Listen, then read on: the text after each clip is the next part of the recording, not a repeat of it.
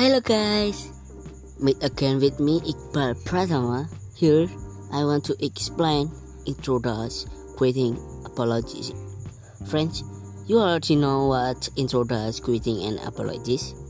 Uh, I want to explain you.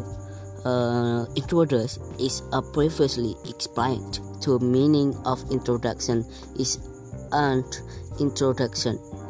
In addition, other meaning of introduction can be introductory words, prefers, and others.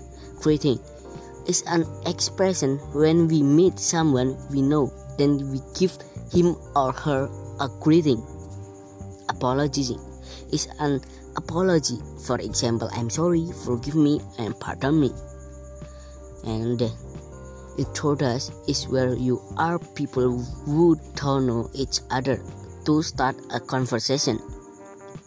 Greeting, where you already know each other and will start a conversation by greeting like hi how are you?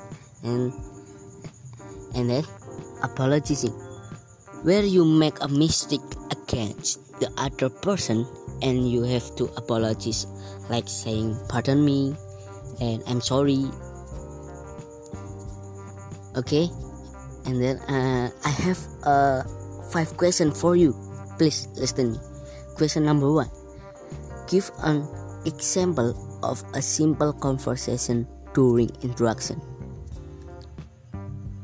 Give an example of a simple conversation during introduction. Question number two: What do you do when you meet someone you already know? What do you do when you meet someone you already know. Question number three What do you do when you meet someone you don't know? What do you do when you meet someone you don't know? Question number four Give a word to apologize to people. Give a word to apologize to people. Last question, question number five when should you greet people? When should you greet people? Thank you all. See you in the next time.